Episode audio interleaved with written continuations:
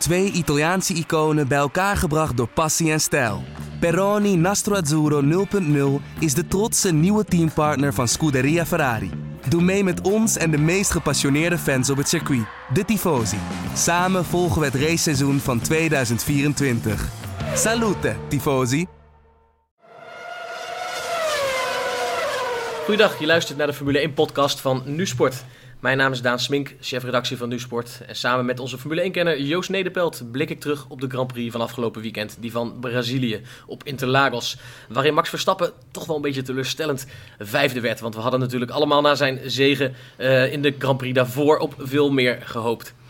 Uh, over dat en meer komen we zo direct te spreken. Ik zou zeggen, abonneer eerst eventjes via Soundcloud of de iTunes-app op deze podcast. Dat zouden we zeer waarderen.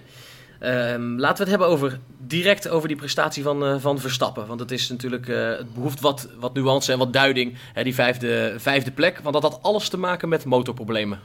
Toch weer. Ja, uiteindelijk wel, uh, kun je daar wel op toeschrijven inderdaad. Op de, Renault-motor die het, dit seizoen al zo vaak de plaaggeest is geweest van Verstappen. En dat was dan meestal omdat hij kapot ging.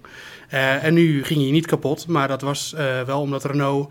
Uh, alle motoren uh, van, dus van het uh, fabrieksteam zelf van Renault en van Red Bull en van Toro Rosso had teruggeschroefd. vorige week, of twee weken terug in Mexico reden we op 2000 meter hoogte. En daar hebben de motoren het zwaar mee door een gebrek aan zuurstof uh, en, en lucht. Uh, en dat was nu minder het geval, want uh, Sao Paulo ligt op 700 meter hoogte. Maar dat was nog steeds een, een reden voor Renault om enigszins voorzorgsmaatregelen te nemen. En dat betekende dat Verstappen en de, de Red Bull, ja, het, het, is niet echt in, in, in echt een goede rondetijd aan te, aan te duiden. Maar het kwam neer op dat het 2 à 3 tiende per ronde Ja, en dat is enorm veel natuurlijk in de... Over de hele race is dat ja. heel veel, ja. En, en het was vooral ook dat Verstappen daardoor niet echt aanval kon plaatsen bij Kimi Räikkönen, die het grootste deel van de race voor reed. En het was ook het probleem dat hij daardoor uh, een beetje te veel vroeg van zijn banden om even goed blij Rijkonen te blijven. Uh, en uh, ja, dus vooral het circuit van, van Interlagos, daar, het rechtstuk waar uiteindelijk start-finish is, dat heeft een hele lange aanloop, wat langzaam bergop loopt. Want er zijn best wel grote hoogteverschillen in, in, op Interlagos. En daar heb je gewoon een sterke motor voor nodig. En ja, dat is de Renault helaas niet. Dat is al het hele seizoen het probleem. Nee, dat bleek best wel op pijnlijke wijze hè, bij, bij Verstappen. Vooral denk ik de manier waarop Hamilton uh, zijn inhaalactie inzetten. En hoe makkelijk die bijvoorbeeld Verstappen voorbij ging. Dat zei wel veel, uh, ja. geloof ik. Als sitting duck noemde Hamilton ja, ja, Verstappen. Verstappen kon echt uh, enigszins humoristisch na afloop. En ja, Verstappen was gewoon gefrustreerd. Zeg, ja, ik kon eigenlijk ook niks doen. Nee. Het verschil was veel te groot. Verstappen was ook echt boos over dat, dat Renault, die, de turbo, dat doen ze dan door de turbo wat terug te schroeven. Dus dan is de, ja, dat is een heel technisch verhaal. Maar de vuldruk in de cilinders is wat lager.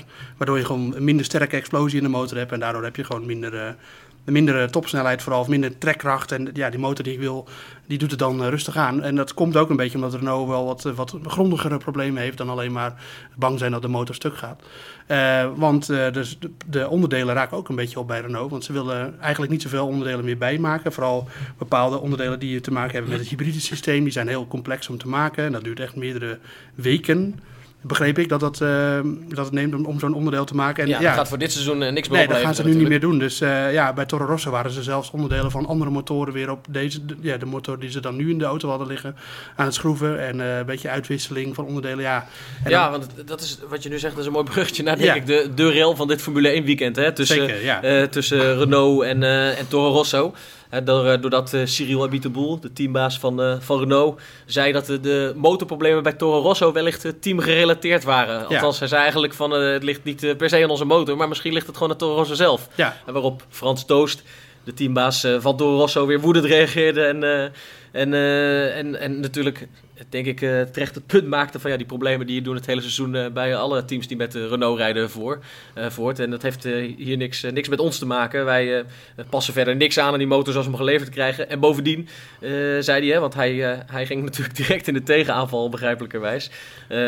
hij zei ja, we moeten niet vergeten dat Renault en Toro Rosso allebei strijden om een hogere plek in het constructeurskampioenschap. Hè. Er zit nu maar vier punten tussen. Ja. dus, um, dus de heer Boeteboel gaf al aan dat het misschien geen toeval is, maar ze zijn zeker niet tot staan door Toro Rosso zelf. Dus hij suggereerde eigenlijk van ja, Renault is ons eigenlijk een kunstje aan het flikken. Ja, ja, dat kon hij ook natuurlijk niet echt onderbouwen. Nee. Maar het is inderdaad toevallig dat, dat Toro Rosso staat op de zesde plek en Renault staat op de zevende plek.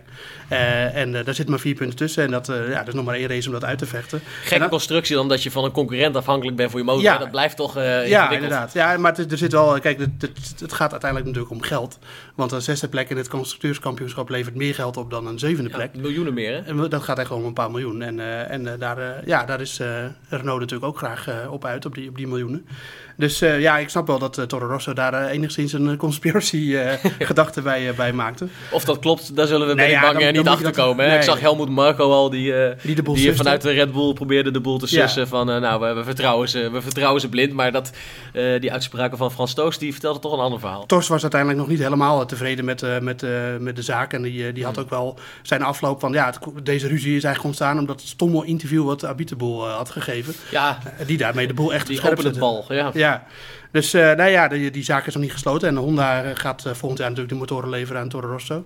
En dan kunnen ze zich weer opmaken voor een hele reeks nieuwe problemen waarschijnlijk. Want Alonso waarschuwde de, Fernando Alonso waarschuwde Toro Rosso al voor volgend seizoen. Want die, die kwam ook een hoop vermogen tekort met zijn McLaren Honda in, op Interlagos. Ja, die, die zit nu in dat schuitje. Die ja. zit nu en die zei al, ja, Toro Rosso gaat volgend jaar nog een zware seizoen tegemoet. Dus of Honda moet nog een merkwaardige ontwikkelingssprong maken in de, in de winterstop. Maar ja, dat, dat, moeten we nog maar zien. Dat, uh, dat is, moet nog een hele hoop gebeuren op dat vlak. Ja, precies. Ook voor, het, voor, sorry, ook voor Renault. Ja. in de zin dat we zien nu bij Verstappen had weer de snelste rondetijd. Ja. we zien dat het met die snelheid wel goed zit. Maar het probleem zit hem natuurlijk puur in de betrouwbaarheid. Ja, en, uh, en uh, als je niet betrouwbaar bent, dan kun je de motor ook niet snel maken. Dan, dan gaat hij nog eerder stuk. Dus uh, ja, ook werk aan de winkel daar. Ja, voor Mercedes geldt dat niet, of een stuk minder. Hè? Lewis Hamilton die, die had de wereldtitel vorige week al bijgeschreven. En die mocht nu vanaf plek 20 starten. Ja, vanuit de pitstraat, vanuit de pitstraat zelfs. Ja. En, uh, en die, die zetten een fantastische inhaalrace neer vanaf plek 20 naar plek 4. Ja. Ook die inhaalrace behoeft wat, wat nuance, geloof ik. Maar um, ja, dat was wel heel knap en interessant. Wel typeren natuurlijk voor Hamilton dat hij dan na afloop, hoe zei hij dat?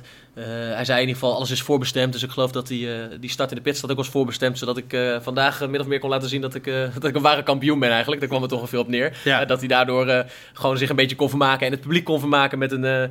Met een mooie inhaalrace, die, die dan weer alles te maken had met de DRS-zones, had jij Nou, de DRS speelde daar een grote rol in, maar in eerste plaats ook de Hamilton startte vanuit de pitstraat. En dat, het voordeel daarvan is, normaal krijgt iedereen natuurlijk grid penalties als hij een motor wisselt of een versnellingsbak wisselt. Maar ja, hij start er nu toch al achteraan. Dus Mercedes heeft dat ook gelijk gedaan. En die hebben er een nieuwe motor ingeschroefd en een nieuwe versnellingsbak opgehangen. dus dat gaf ook wel een beetje aan waardoor, nou, het was een reden waarom Hamilton zo snel was. hij kon zijn motor die nog maar twee races mee hoeft te gaan, op volle, vol, uh, vol vermogen zetten. En daar heeft hij echt gretig gebruik van gemaakt. En ja, het is zo, als je al een, uh, een auto hebt die al lekker snel is... en zeker sneller is dan bijvoorbeeld de Renaults... die niet te vol vermogen reden, maar daar reden Honda... en Alonso moest hij ook inhalen... die natuurlijk niet te vol vermogen reed. Ik wil natuurlijk niets afdoen aan zijn inhaalrace... want zijn inhaalacties waren allemaal messcherp. En daar, daar viel niet zoveel ja, af ik wil zeggen, want vanaf maar het was plek naar plek 4 rijden... het blijft natuurlijk razend Dat is een fantastische prestatie. Alleen het zat hem niet tegen, laten we dat zeggen. Want hij had al een safety car... Zijn inhaalrace was niet vergelijkbaar met die van Verstappen vorig jaar in de regen. Die was wel anders, ja. Ja, ja. ja nou, kijk, Hamilton had het geluk van... Een klein gelukje moet je dan ook hebben natuurlijk. Dat er gelijk snel een safety car was. En daardoor kwamen er alweer drie mensen binnen. En dan komt het veld natuurlijk weer dicht bij elkaar. Mm. Uh, want anders als je vanuit de pitstraat moet beginnen... dan kom je toch al uh, achter een wat uitgerekter veld te rijden. veel grotere afstand overbruggen. Ja, en nu, Ja. nu zat iedereen nog lekker dicht bij elkaar. En hij, ging, hij kwam de pitstraat alweer uit. Uh, of tenminste, hij, de safety car was, ging naar binnen. En toen reed Hamilton reed al, was al drie man voorbij. Dus uh, dat, dat gaf hem een groot voordeel. En daarna, ja, door die, die, uh, de motor die gewoon lekker volop kon rijden. En dan elke keer die DRS-zones. Je zou kunnen zeggen dat het in de Interlagos twee DRS-zones wat overdreven was.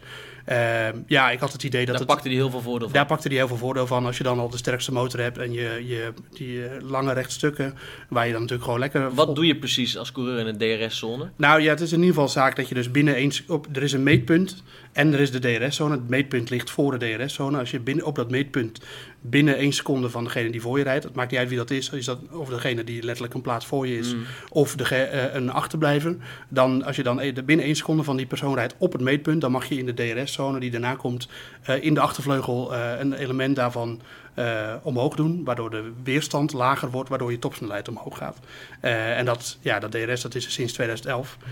Eh, en zo vlieg je er voorbij. Hebben zo we vlieg je er voorbij. Ja, ik had nu eh, voor het eerst het idee dat het misschien hier echt te veel was. Het, eh, ja, te makkelijk. Het, het ging voor Hamilton wel heel erg makkelijk. En ja, de meeste inhaal, ik heb eigenlijk geen een- één inhaalactie van hem gezien die niet in een DRS-zone was. Dat wil niet zeggen dat het alleen maar dankzij DRS was, want je moet nog steeds Nee, zelf het werk maar doen. het helpt wel mee. Maar het helpt zeker mee. En dus de- dat is voor de, de, voor de Liberty Media en de VIA wel echt iets om naar te kijken. Want het kost gewoon ook gevechten. Want Hamilton kon nu heel makkelijk bijvoorbeeld voorbij Verstappen.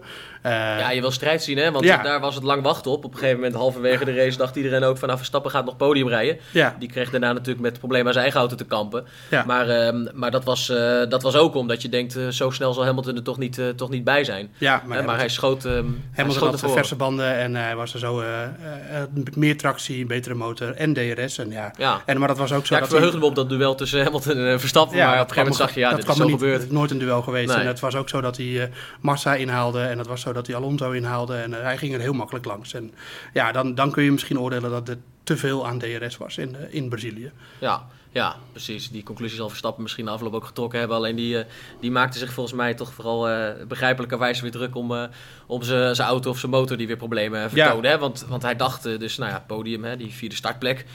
Podium zit er dan eh, gewoon in. En eh, nou ja, met Bottas was het redelijk snel eh, gebeurd dat Vettel daar voorbij ging. Ja, Wie weet kan Verstappen daar nog dan wat, wat in betekenen.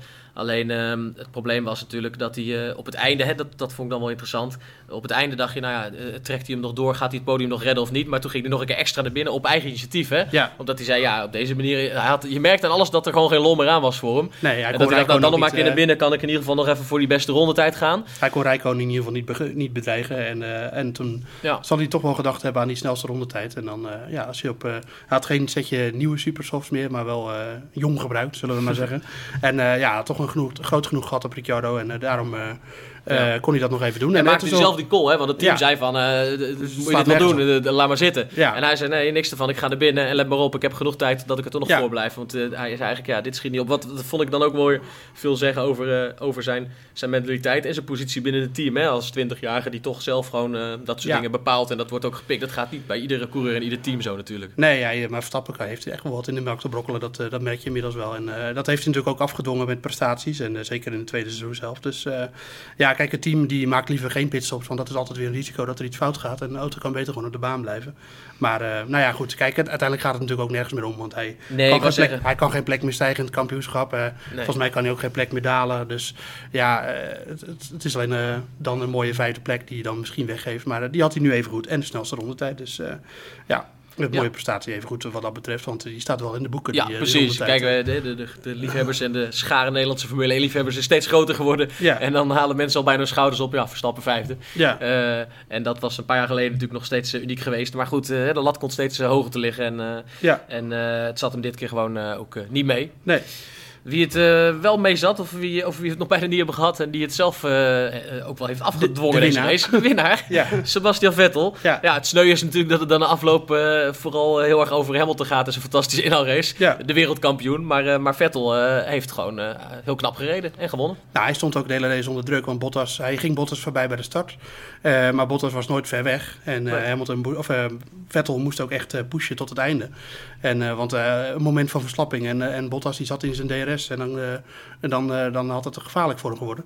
Een cruciaal moment was natuurlijk die pitstop. Eh, Bottas die nam het initiatief of Mercedes, die haalde hem naar binnen voor de undercut. Dat betekent dan dat je één rondje eerder gaat, zodat je één rondje langer al eerder al op je verse banden kan rijden. En dan, eh, en dan hopen dat je een, een klein gaatje kan dichten. Nou, het was niet genoeg, want eh, Vettel kwam er precies eh, een ronde later, vlak voor de deur, eh, kwam hij uit de pitstraat. En eh, ja, die kon daarna ook echt wel weglopen weer een klein beetje. Dus eh, eh, de, Vettel is nooit echt in gevaar geweest, alleen op dat moment na. Maar, maar Ferrari had het gewoon goed voor elkaar. En ja, die, zullen, die waren ook echt opgelucht na afloop. Dat zag je gewoon. Dat ze hebben natuurlijk een hoop problemen gehad. Dit hadden ze even nodig. Ja, ze hadden sinds Ja. Hongarije niet meer gewonnen. Dat, is gewoon, dat was ongeveer halverwege het seizoen. En ze lieten nu dus ook zien dat het verder met de auto en vooral de snelheid, ja, de snelheid wel is- goed zit. Ja, de, de- normaal, zeker in het begin van het seizoen dat Ferrari het goed deed en dat ze de strijd aangingen met Mercedes. Hebben heel veel mensen mensen wel gezegd van ja, Ferrari gaat het uiteindelijk op ontwikkeling verliezen. Want uh, die kunnen die auto nooit tot het einde van het seizoen blijven doorontwikkelen. Maar het tegendeel blijkt eigenlijk waar. Want uh, ja, Vettel was in ieder geval Bottas gewoon de baas. Ja. Hamilton, al die vooraan gestart, had hij misschien gewonnen. Dat is wel zo. Ja, maar, ja. maar die was zeggen, nu ook sneller. Het tegendeel blijkt waar, maar toch, uh, ik bedoel, toch geen titel. Nee, maar ze doen wel mee nog gewoon. Om de, ze, zijn, ja. ze, ze, doen mee om de pole position, ja. ze doen mee om de overwinningen. En... Het is een combinatie van ook een beetje pech geweest dan voor Vettel en gewoon een uitstekende Hamilton. Die ervoor hebben gezorgd dat Hamilton dit jaar die wereldtitel heeft. Ja, zeker. Maar gepakt. het is in ieder geval een, een mooie uh, perspectief op het volgende seizoen dat Ferrari uh, er nu gewoon nog bij zit. En dat, dat, dat is al een kleine indicatie dat ze volgend jaar die lijn gewoon door kunnen trekken. Ja, of het zou prachtig zijn, toch? Ja, Strijd dan, tussen Ferrari, Mercedes en, en, en hopelijk Red Bull. Ja, dat zou heel leuk zijn inderdaad, ja. Maar eerst Abu Dhabi nog, de afsluiter. Eerst Abu Dhabi nog, de afsluiter. Ja, wat kunnen we die slotrace verwachten? Want er zijn natuurlijk coureurs, Verstappen zei het zelf eigenlijk ook al. Van uh, even alles of niks in zo'n laatste race. Ja, wat ja. kan jou het schelen? Nou ja, de motor terugschroeven, dat, uh, dat zal wat, van, uh, wat Verstappen betreft niet hoeven. Dat heeft hij ook echt gezegd. Nee. Van zet hem maar op volle bak en dan kijken we waar we, ja, waar we stranden. Dan, dan maakt het hem ook niet veel uit, al gaat hij ontploft de boel in de eerste nee, ronde. Nee, ik, denk dat Verstappen liever met een, een ploffende motor aan de leiding uitvalt... dan dat hij met een teruggeschroefde motor vierde wordt. Exact. En dat zal hem een beter gevoel geven voor het volgende seizoen. De vraag is of Renault dat ook wil doen. Want een uh, ploffende Renault motor, daar zijn er al heel veel van geweest. Maar het is nooit goede reclame natuurlijk. Nee. Dus uh, ja, de, de, voor, voor Verstappen valt er gewoon niks meer te halen in...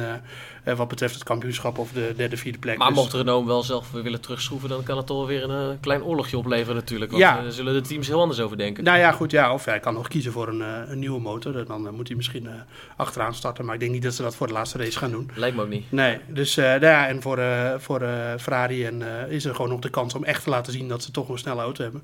En Hamilton zal echt wel die laatste race willen winnen. Want die heeft natuurlijk aan de ene kant een goed gevoel overhouden aan die inhaalrace. Maar ja, het is toch mooi als je als wereldkampioen... De ware kampioen die wordt af te sluiten natuurlijk met, met een, overwinning. Dus ja, uh, ja het, het, is, wordt even genoeg een aantrekkelijke race in Abu Dhabi. Uh, vooral met de invallende duisternis die daar altijd uh, zo mooi, dat dat mooi geregeld is qua tijdstip. Lichtinstallatie, alles erbij. Het is een beetje kunstmatig circuit, maar het is wel een mooi circuit met lange rechtstukken, bochtige gedeeltes. Dus er is echt nog wat naar uit te kijken. Ook voor de Verstappen-fans. Ja, nou, dan gaan we dat doen. Over twee weken dus. Uh, en dan zijn wij ook weer bij jullie terug na het Formule 1 weekend van Abu Dhabi met een nieuwe Formule 1 podcast. Uh, tot slot nogmaals, abonneer je eventjes via Soundcloud of de iTunes app op deze podcast. En laat vooral ook uh, je reacties of je mening achter, want daar kunnen wij weer ons voordeel mee doen. Bedankt voor zover, bedankt voor het luisteren. Tot ziens.